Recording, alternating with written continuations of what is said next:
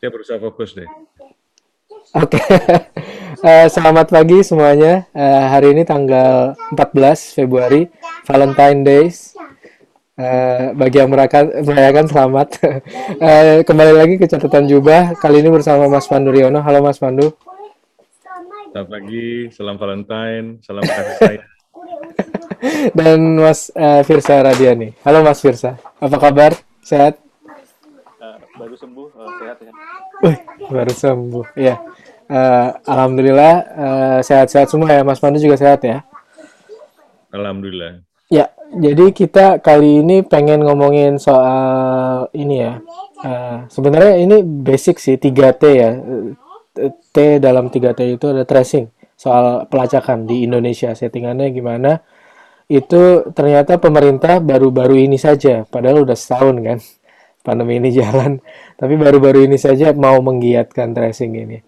Wow sekali. Uh, menurut Mas Firsa gimana Mas? Uh, tracing itu uh, Mas Firsa dari uh, as ini ya, mungkin yang dari luar medis ya. Itu mandangnya gimana sih di di Indonesia ini? Um, sebatas yang saya pahami ya dari hmm. dari sisi awam dari dari orang data. Uh, uh, memang kalau tidak salah kan tahun ini uh, dari data teman-teman kawal COVID, RLI-nya kita kan uh, antara 2 sampai 4 lah. Ya, artinya apa tuh? Artinya? Ya artinya nanti mohon ditambahkan ya Pak, Pak Pandu. saya juga awam, saya juga awam awam data Pak. Uh, artinya kan setiap satu orang yang yang terkena positif rata-rata uh, di Indonesia yang dilacak uh, hanya dua gitu. Hmm. Uh, bahkan kalau dari data tim pada Talks coba gali lagi, ya tetap pakai data kawal COVID. Uh, uh, bulan lalu ya, Janu dua bulan lalu mas Januari itu uh, kalau tidak salah ada 11 provinsi yang RLI-nya di bawah satu malah gitu. Uh, bahkan kan itu tidak utuh sebagai satu orang manusia gitu loh. Jadi jadi artinya satu orang yang positif nggak ada uh, sebagian nggak dilacak aja gitu loh. Ya udah. Iya iya iya. Lawat uh, udah cuek aja lacaknya ya. gitu. Hmm idealnya uh, ada dari WHO uh, eh, satu orang positif itu dilacak 10 sampai 30 kalau tidak salah itu. Nah, perbandingannya ya mungkin tidak apple to apple ya secara sistem kesehatan ya dan infrastruktur di Singapura bisa sampai eh, uh, 70 satu banding 70 nah kita satu banding dua dan rata-rata dua bulan lalu ya sebulan dua bulan lalu hmm. uh, ada 11 provinsi hampir 13 provinsi yang uh, tracingnya tuh di bawah satu. Nah ini uh, kalau da kalau dari kalau dari luar ya melihatnya kan ada dua sisi ya dari sisi pemerintah sama ada dari sisi mungkin ada sisi penolakan atau ketidakpahaman dari masyarakat juga ini. Ya, hmm. gitu, Mas Kamil. Ya ya ya, setuju setuju. Jadi memang nggak nggak simple tapi harusnya dilakukan dari awal ya adanya wabah gitu. Dan uh, kalau kita perhatikan di media-media juga uh, racing ini kayak sepertinya baru dimulai digalakkan pergantian ini kan uh, Pak Mankes yang baru ini. Baru mulai mulai diomongin gitu kan. Ya. Mau Mas Pandu gimana? Iya, iya. Ya, jadi eh, sebenarnya masalahnya lebih mendasar lagi bahwa untuk penyakit menular itu yang paling pertama harus dilakukan adalah pembangunan atau melakukan surveillance. Surveillance itu ada tiga satu paket itu tes tes testing itu untuk mengetahui apakah seorang itu sudah membawa penyebab penular ya virus kalau dalam COVID-19. Kedua, kalau kita tahu bahwa ini penyakit menular, nah ini tertular dari siapa atau sudah menularkan kepada siapa sebelum diketahui dari hasil tes ini. Ya, itu kita sebut sebagai tracing. Ya, lacak gitu. Jadi ini menjadi penting dan kemudian tujuannya setelah memang positif harus dilakukan isolasi, pemisahan dengan anggota keluarga atau anggota masyarakat yang belum terinfeksi. Jadi tujuan surveillance untuk penyakit menular itu tiga kegiatan sekaligus harus dilaksanakan. Yang saya lebih senang menggunakan tes, lacak, isolasi, TLI singkatannya. Ya karena nggak ada treatment di sini.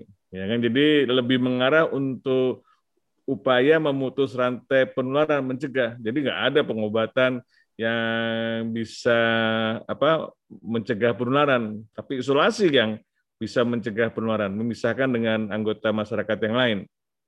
Nah, problemnya adalah orang nggak paham ketika membicarakan tes, itu dibicarakan tes, tes eh, sekian punya target minimal per satu juta penduduk per minggu. Nah, kemudian lagi eh, lacak, pelacakan harus eh, minimal satu orang yang terinfeksi eh, diidentifikasi 30 atau 10 sampai 30 kata Mas Firza tadi. Ya itu artinya untuk mengetahui eh, orang yang sudah terinfeksi atau sudah menularkan kepada siapa gitu. Karena harus di testing lagi. Dan kemudian harus dilakukan isolasi karena untuk memutus rantai penularan. dengan demikian maka sebenarnya kalau kita bisa melakukan tes lacak isolasi, kita bisa memutus rantai penularan. Itu standar utama dalam penanggulangan penyakit penular apa dalam pandemi ini. Dulu kalau kita untuk tuberkulosis saja kalau ada satu orang yang datang ke pelayanan kesehatan, anak itu misalnya, itu dicari siapa tertular dari siapa. Nah itu juga lacak. Jadi semua penyakit seperti itu kalau penyakit penular. Nah, ini yang yang menjadi kendala sejak awal tes salah kaprah menggunakan tes cepat antibody ketika kapasitas testing kita PCR-nya sangat terbatas. Nah, ini yang menjadi menjadi penting banget gitu bahwa udah salah strategi.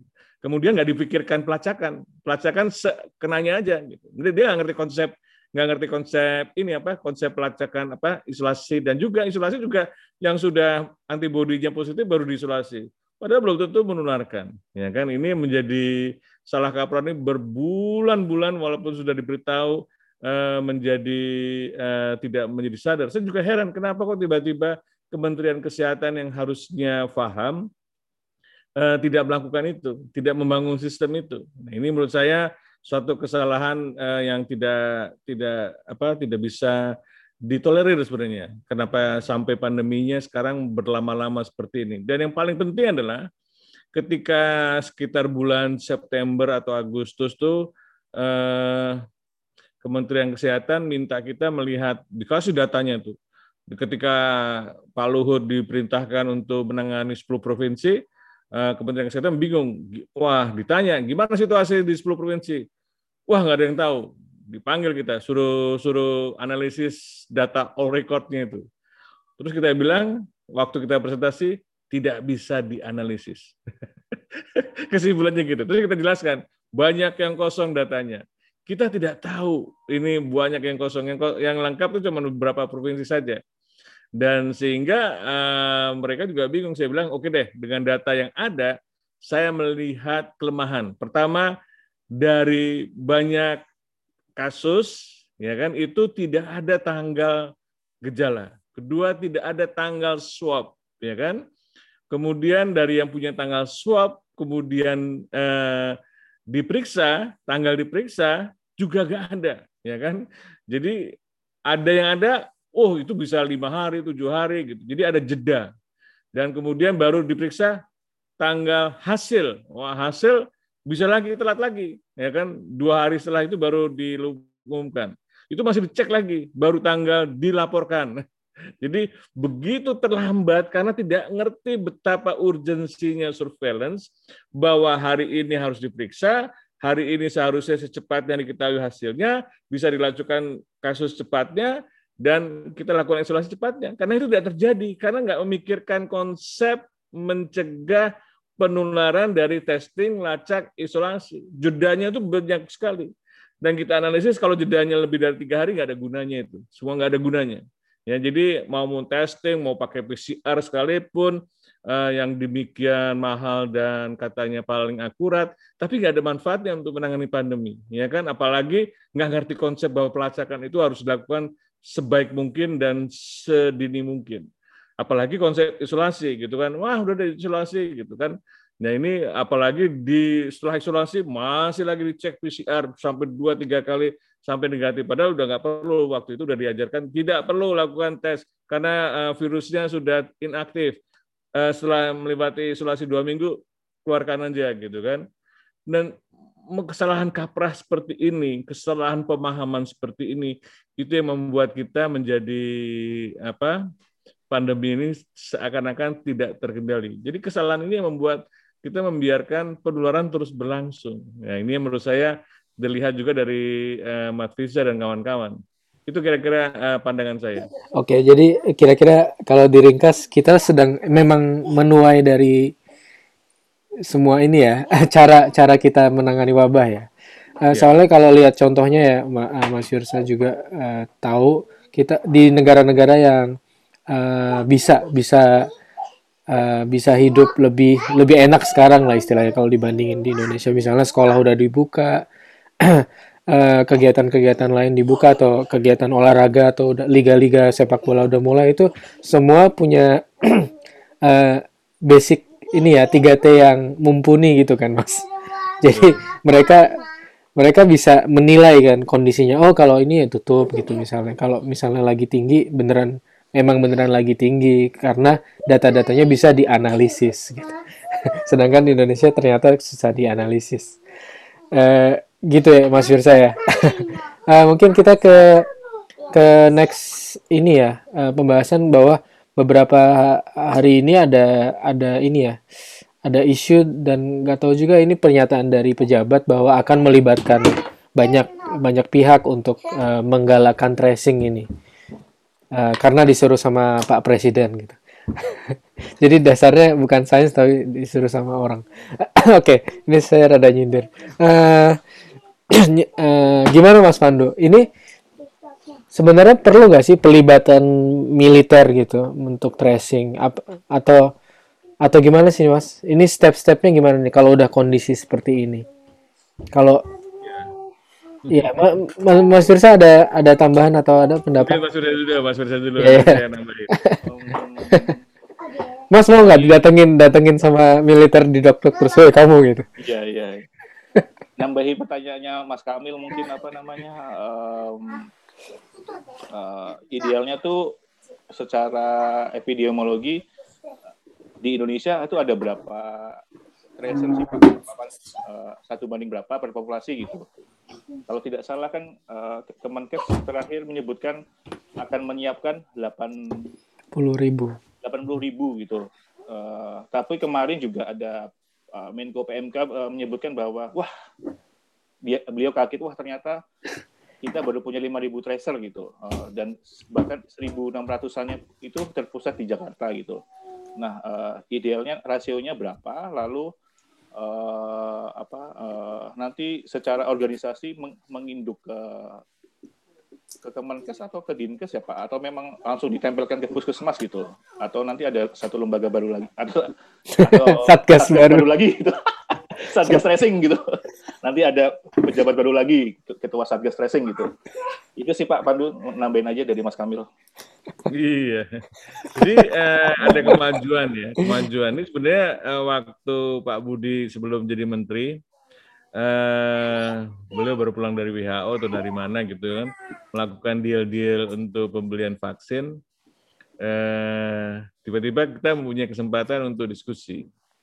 Ya, saya ceritakan banyak hal tentang masalah hmm. ya tentang masalah pandemi gitu kan kita nggak tahu waktu itu mau beliau menjadi atau menjadi menteri atau tidak. Walaupun dalam pikiran saya, wah ini orang yang tepat untuk menggantikan Terawan.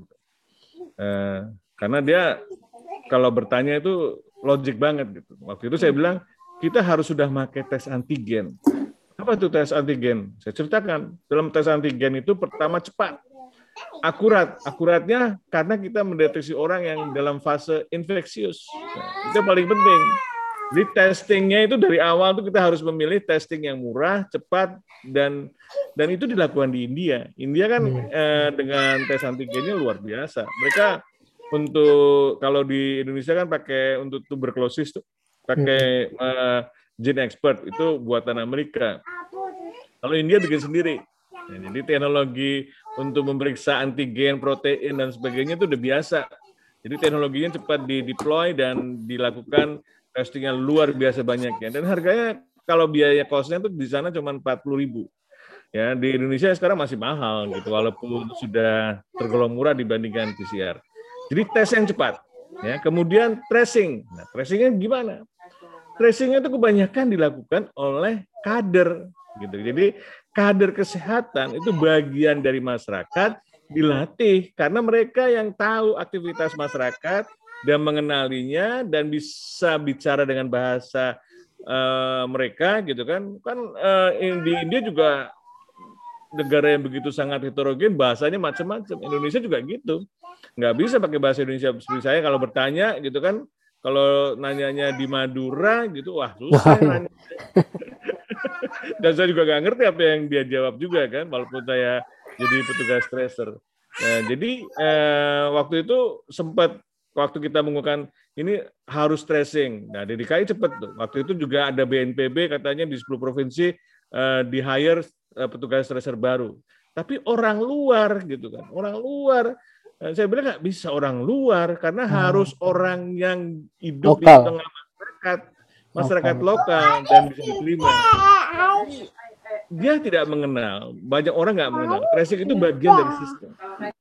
Bagian dari sistem itu sangat lokal itu sangat penting. Lokalitas, memahami budaya, mengurangi stigma dan diskriminasi orang mau berbu membicara jujur, tidak tidak merasa uh, takut untuk menceritakan. Ini penting sekali di dalam dalam menggali menggali kamu pergi kemarin ke mana dengan siapa gitu.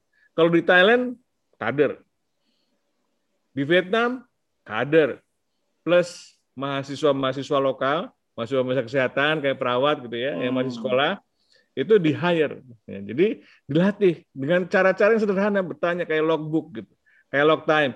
Eh udah positif ditanya kemarin kamu jari jam sekian sampai jam sekian melakukan apa? Nah di jam sekian itu ketemu siapa? Oh ketemu uh, Mas Kamil. Berapa lama? Apa yang kamu lakukan? Ya ngobrol nggak lama, kira-kira setengah jam. Suspek, kontak erat, ya kan? Udah track gitu kan Uh, rumahnya di mana? Itu sana, masa kamu gak kenal? Nah, karena bagian dari mereka kan, bagian dari kehidupan masyarakat yang mereka tahu. Kecuali kalau mereka sering berpergian atau ke mana gitu. Jadi kebanyakan adalah aktivitas masyarakat. Jadi sifat komunitasnya itu benar-benar digalang. Makanya saya menganjurkan tracer itu jangan tentara, jangan babinsa, jangan polisi. Takut orang ditanya. Saya aja kalau naik mobil uh, ada razia diberhentikan walaupun lengkap dengan ini juga takut juga. Iya, Aduh, iya, ada apa lagi gitu kan. Iya. Apalagi udah stigma kan, stigma. Jadi kalau ketemu siapa? Nggak ketemu siapa-siapa. Nah, kalau kegiatannya kegiatan yang tidak tidak biasa dalam tanda petik ya, ya nggak normal gitu. Misalnya ketemu siapa gitu, ketemu uh, jualan apa gitu kan, nggak mau cerita itu karena nanti kan eh, jadi banyak yang akan kontraproduktif ya kan hmm. kontraproduktif jadi penunjukan terhadap eh, babinsa atau ini ya mungkin hanya spontan saja ya kan hmm. dan dan pada awal pandemi itu kasus nomor satu nomor dua nomor tiga tahu nggak tracernya siapa Intel jadi BIN turun tangan melakukan tracing kegiatan-kegiatan dicari disangkanya ini eh, bagian daripada eh, konsep pertahanan negara ya.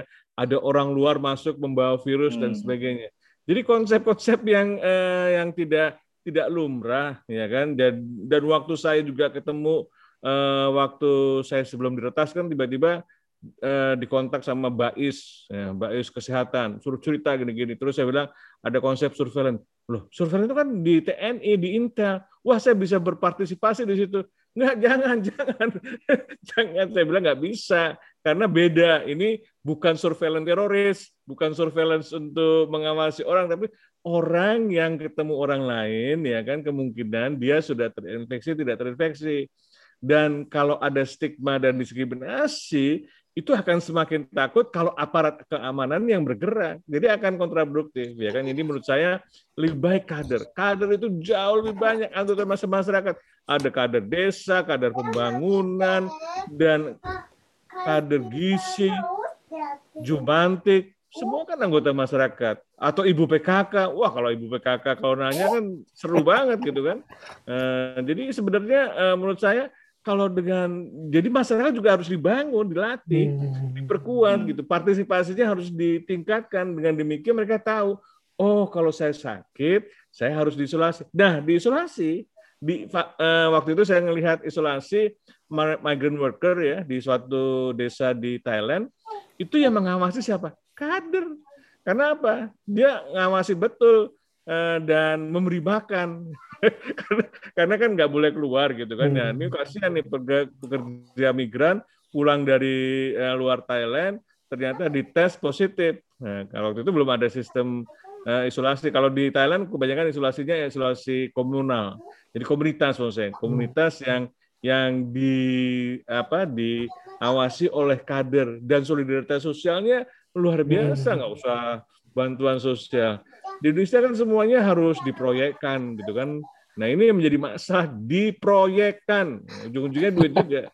Ya kan? Jadi menurut saya eh, kalau mau pakai dana desa bisa gitu kan hmm. waktu saya terlibat dalam penanggulangan tuberkulosis untuk melakukan tracing daripada Mycobacterium tuberculosis itu hmm. pada mendatangi keluarga dan keluarga kita minta datang ke eh, ke puskesmas diperiksa dan kepala desa juga kadernya eh, mengawasi minum obat dananya dari mana kader eh, apa dana hmm. desa jadi dana desa bisa dialihkan sebagian itu nggak mahal kok eh, karena orang lokal kan jadi yeah. biasanya transportasi atau apa dan dan bukan pembangunan infrastruktur desa jadi murah ya menurut saya sih bahkan solidaritas sosial menjadi lebih murah lagi yeah. di situlah ketahanan masyarakat dibangun untuk menghadapi pandemi. Jadi kita tuh membangun sistem ketahanan masyarakat, partisipasi masyarakat itu benar-benar digalang. Nah, kalau orang yang sudah biasa kerja di masyarakat tuh ngerti. Nah, yang kalau belum pernah kerja di masyarakat, ya kita pakai orang luar, di hire, outsourcing, outsourcing yang paling gampang ya keamanan, ya kan, TNI, polisi, Babinsa, Hansip, apalagi itu kalau udah seperti itu. Dan kalau nanti sudah masuk uh, vaksinasi uh, pada penduduk, itu jauh lebih mudah karena mereka hmm. sudah tahu, sudah bisa mengedukasi dan sebagainya, sudah kenal uh, yang sudah terinfeksi uh, jangan prioritas dulu untuk divaksinasi. Oh ya si ini nggak bisa nih, si ini nggak bisa gitu kan. Nah jadi menurut saya dalam jangka panjang pandemi ini kan panjang ya bisa tahun depan bisa dua tahun lagi eh, kalau Indonesia betul-betul diramalkan buruk seperti Bloomberg 10 tahun lagi, ya ketahanan sosial harus dibangun. Yang janganlah jangan 10 tahun lah, dua tahun lah. Ya, tahun ini kita bisa mengendalikan, tahun depan kita bisa eh, lebih mengendalikan lagi. Kira-kira gitu, Mas. Oke, Mas Firsa gimana nih bayangannya? Tapi sepertinya ini ya, Pak Pandu, eh, jalan tersebut tidak akan dipilih oleh Kemenkes ya? Apa, uh, ya kita ngusulin aja terus supaya ini eh, ya? mungkin bulan pertama aja lah pakai babinsa sama ini gitu kan. Hmm.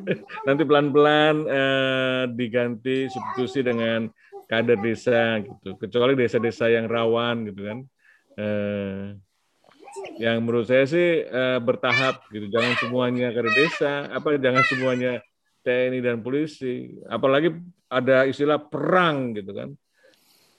Padahal nggak perang, ya perang sih perang, tapi kan perangnya nggak kelihatan musuhnya. Musuhnya musuhnya itu di orang di dalam orang yang sakit. Nah itu problem juga gitu kan. Jadi ini menurut saya eh, bisa salah paham kita, bisa salah strategi lagi. Kalau tahun lalu kita melakukan kesalahan, janganlah tahun ini kita melakukan kesalahan lagi. Kapan kita belajar? ya oke. Okay. Uh, eh, memang kompleks ya kalau soal tracing ini ya, Mas ya, Mas Mandu ya. Dan dan dan problemnya hmm. juga data ini, Mas. Bro, data nah, ini itu dia. penting. Mungkin Mas Liza bisa bisa membantu itu bagaimana data tracing ya kan, hmm. data testing. Iya dari dari kawal COVID juga uh, karena ketiadaan data itu mereka pakai algoritma sendiri kan kayak uh, angka suspek per per kasus konfirmasi gitu aja gitu loh sesimpel itu Uh, soalnya memang nggak ada datanya. Jadi uh, daerah-daerah yang melaporkan nggak melaporkan suspek ya, jadinya nggak ada angka itu. Misalnya ada beberapa daerah kan, Mas Firsa. Iya. Nah, betul. Ya jadi nggak bisa dideteksi dan ya karena nggak ada data ya nggak ada bisa dianalisis gitu. Jadi kita buta banget itu ngelihat satu daerah atau tempat tempat-tempat tertentu kan. itu ya, ya saya setuju banget soal data itu. Jadi memang PR yang besar banget terutama bagi pihak otoritas ya untuk mengestablish data gitu. Bukan dan datanya tuh uh, yang berfungsi gitu kan. Bukan untuk data data yang buat nyenengin atasan gitu. Ya, yang selama ini terjadi. Apa buat nyenengin uh, misalnya Pak Menteri atau Pak Presiden datanya dibikin gini atau nyenengin bahkan nyenengin rakyat gitu. Datanya di pokoknya gimana caranya sembuhnya angka kesembuhan meningkat. Angka kesembuhan, oh. ya, ya itu. Jadinya yang hal-hal yang indikator-indikator yang lain uh, dicuekin gitu. Ya. Iya. ya itu data itu benar-benar bukan cuma data titik gitu, tapi data itu punya punya ini sendiri ya spektrum-spektrum yang benar-benar uh, harus terintegrasi ya komprehensif juga. Terus uh, gimana nih soal tracing masih ada ini nggak Aman nggak Mas? Saya bisa. Uh, baru baru nyadar juga penjelasan Pak Pandu di awal tadi apa bahwa yang TLI atau 3T ini harus harus kita pahami dan lakukan sebagai kesat, satu kesatuan yang utuh. Uh, idealnya tidak parsial karena saya hmm, jadi iya. bertanya yeah. ini Pak Pandu apa berarti selama ini kan uh, T yang di tengah, T yang kedua atau yang lacak itu kan berarti di, dilompati kan. Uh, selama ini ada ada tracing terus tahu-tahu misalkan di, misalkan di Jakarta selama ini ada testing ada testing ada testing lalu lalu tiba-tiba diisolasi di wisma atlet. Nah yang diisolasi itu siapa berarti? Saya itu nggak apa prosedurnya apa itu? Uh, itu Pak Pandu. Lalu yang yang iya. kedua um, melihat yang melihat bahwa yang di tengah ini kosong kan Pak Pandu? Yang di tengah ini kosong uh, di Indonesia ini lebih tepatnya uh, isolasinya itu mandiri atau terpusat Pak Pandu? Karena uh, kalau tidak salah saya baca di Malaysia itu uh, dibuat terpusat gitu dan dan wisma tanda kutip wisma atletnya memang Ada biasa banyak. gitu hmm. uh, kayak di hall aula olahraga gitu dan bertingkat dan penuh gitu memang dibuat tanda kutip jelek biar biar masyarakat tuh takut diisolasi. Nah di Indonesia kan wisma atlet bagus kalau nggak di, di hotel gitu. Nah idealnya seperti apa sih uh, isolasi? Kita kan sudah melompati uh, yang di tengah itu tracing atau lacak. Nah dengan kondisi seperti ini isolasi yang tepat itu mandiri isoman di rumah atau malah uh, kita galakan pusat Pak Mandu? Uh, cocok ya, jadi strateginya. kan uh, memutus rantai penularan Iya. Nah, kalau kita objektif satu deh, TLI untuk memutus rantai penularan.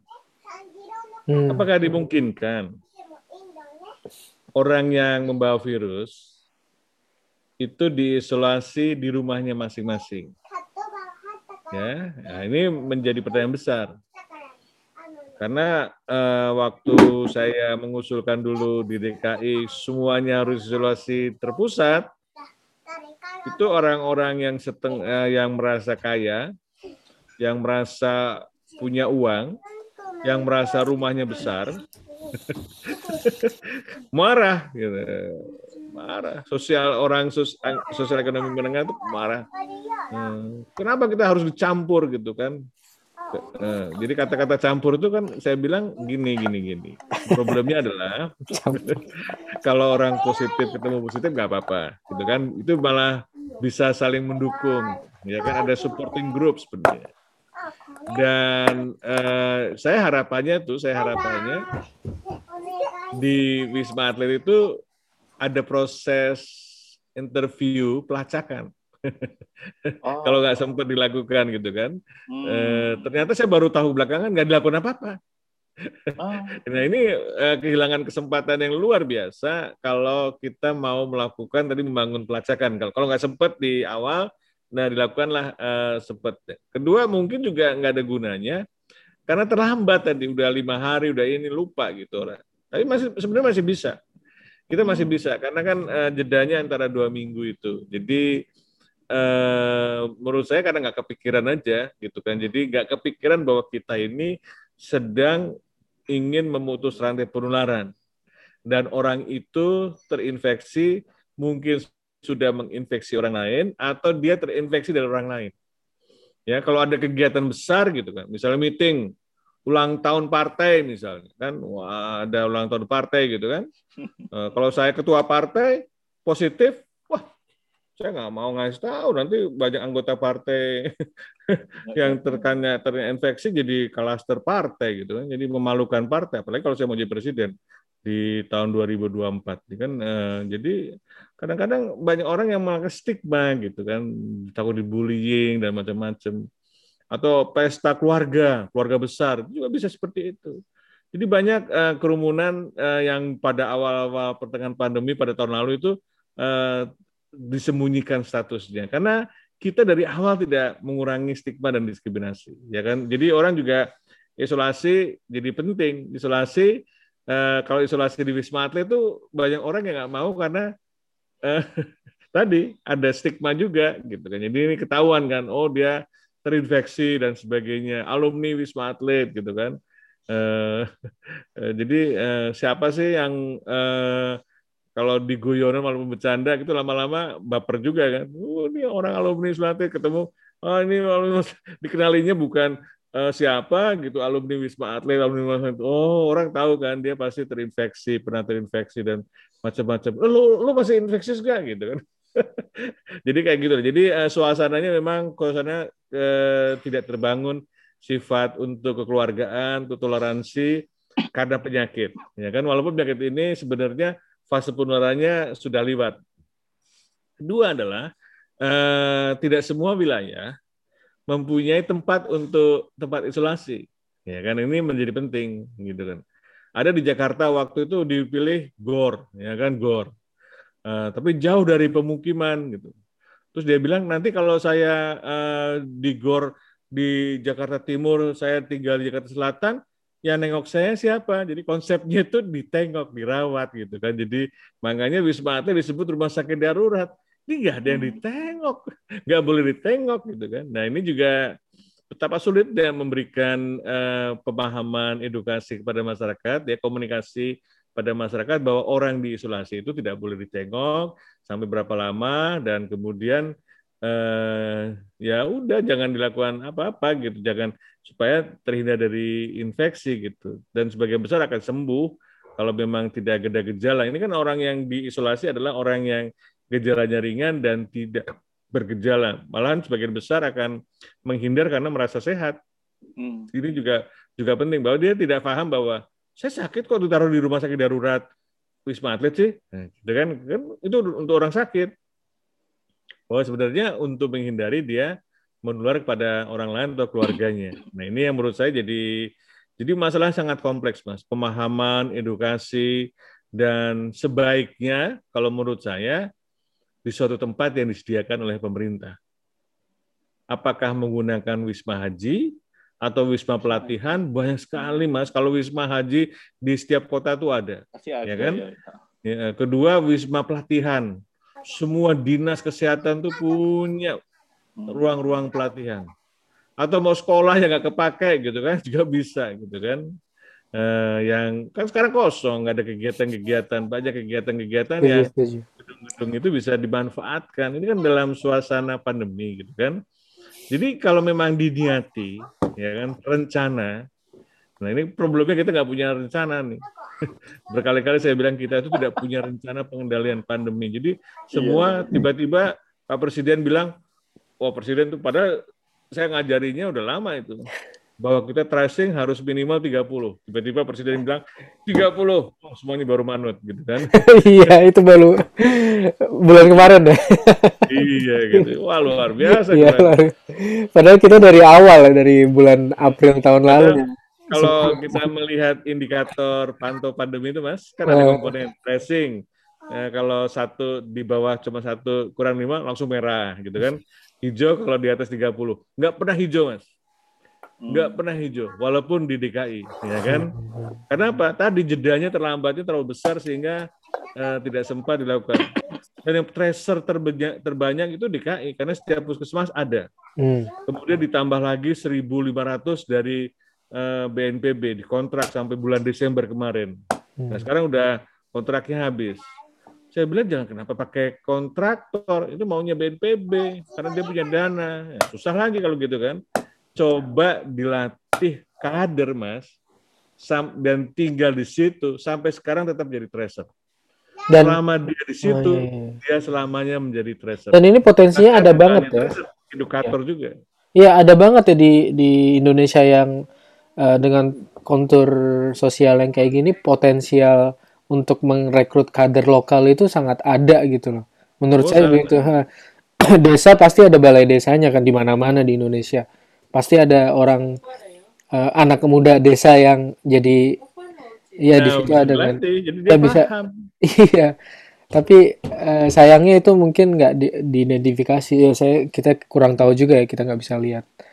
Dan yeah. setuju soal insentif tracer mas. Maksudnya memang harus ada dananya kan. Ha, uh, harus ada, di acknowledge kan. Harus dihargai orang-orang ini gitu. Yeah. Ya bukan relawan aja kan maksudnya. Yuk merekrut yeah. relawan. Kamu harus mengabdi terus gratis gitu ya kayak pandemic talk saja ya nggak relawan banget iya. bayangin Firza itu menghabiskan waktu berapa dia dia hidup dari mana Firza dari... untung, simpanannya banyak Oke, kira-kira uh, udah sih, uh, kayaknya udah komplit. Mas Firza ada ada ini nggak? Sebelum berakhir, ada mau cerita apa gitu? Asik. Um, Gak, gak ada sih. Pertanyaan terakhir ke Pak Pandu boleh ya? Hmm. Boleh. Uh, uh, akibat dari tracing buruk ini apa sih Pak Pandu biar biar biar teman-teman uh, tahu ini ap apakah salah satunya angka kasus aktif kita ini kan sudah tertinggi se Asia kan, udah ngelewatin India yeah. nih. Padahal dulu India sempat satu juta, angka angka kasus aktifnya sekarang turun. Nah, ap apakah itu salah satunya itu? Dan uh, biar teman-teman paham bahwa kita jangan menolak saat di tracing itu uh, gimana Pak Pandu. Jadi biar teman-teman dapat yeah. konseptual holistiknya kalau tracing ini buruk uh, itu dampaknya apa? Okay. Apakah apakah kita makin bahagia atau gimana? Gini, jadi jadi kan eh, kalau orang terinfeksi ini kan airborne disease, jadi hmm. ditularkan melalui udara ya. Kalau kita berinteraksi keluar dari mulut kita itu uh, kemungkinan ada virusnya. Nah, percikan-percikan dari air liur kita dan bisa mengambang di udara kalau di ruang tertutup, ya, makanya disebut airborne, itu uh, mudah menular. Ya, jadi konsepnya adalah mudah menular. Kecepatan penularannya uh, bisa bervariasi dari ruang terbuka, ruang tertutup, banyaknya orang dan sebagainya dan juga dipengaruhi oleh karakteristik orang juga. Kalau virusnya lagi banyak, infeksius, gitu makin banyak virus yang eh, bisa beredar di udara. Jadi karena mudah menular, ya kan? Dan problemnya adalah kita selalu berinteraksi. Nah, ini problemnya karena kita tidak melakukan penghentian interaksi yang kita sebut sebagai lockdown, ya kan? Lockdown itu adalah menghentikan semua interaksi manusia ya kan? Uh, untuk sementara, untuk sementara, karena supaya virusnya kan umurnya cuma dua mingguan. Kalau itu lockdownnya efektif, itu langsung virusnya mengalami kesulitan untuk mencari korban. Ya, kalau nggak kalau nggak ada korban baru, dia tidak bisa bereplikasi. Kalau tidak bisa bereplikasi, dia nggak hidup, tidak bermutasi dan macam-macam lah, ya kan? Nah karena itu, kalau kita terinfeksi, atau seseorang terinfeksi, pertanyaannya dia tertular dari siapa? Jadi retrospektif, ya kan? Atau kita bilang prospektif kalau dia oh sekarang interaksi masih masih belum ada hasilnya tapi sudah masih beraktivitas, dia ketemu sama siapa saja, berapa lama? Nah, kemarin ada konsep ketemu berapa lama yang kita sebut sebagai kontak erat. Nah, kontak erat itu didefinisikan. Nggak usah terlalu kaku, ya kan orang juga nyebut 15 menit, 10 menit kan nggak pernah kita berinteraksi terus uh, yuk kita ngobrol 15 menit ya. Nah, kita nggak mungkin. Atau kita berinteraksi kalau udah tahu nih kalau saya, yuk kita berinteraksi nih. Kalau 15 menit kita jadi suspek loh, kontak erat. 10 menit aja ya. kan nggak mungkin kayak gitu. Kalau kalau udah interaksi sosial kan lupa orang. Sehingga menularkan. Nah, jadi selalu ada yang tertular atau menularkan. Kalau ini tidak diidentifikasi untuk diisolasi atau di testing, maka dia potensial juga tertular dan menularkan pada yang lainnya karena dia nggak sadar yang kita sebut sebagai orang dengan tanpa gejala ya sehingga penularan terus berlangsung mas itu yang menyebabkan kenapa penularan terus berlangsung karena pelacakannya nggak ada atau ada tapi buruk jadi sebagian orang yang membawa virus tidak teridentifikasi.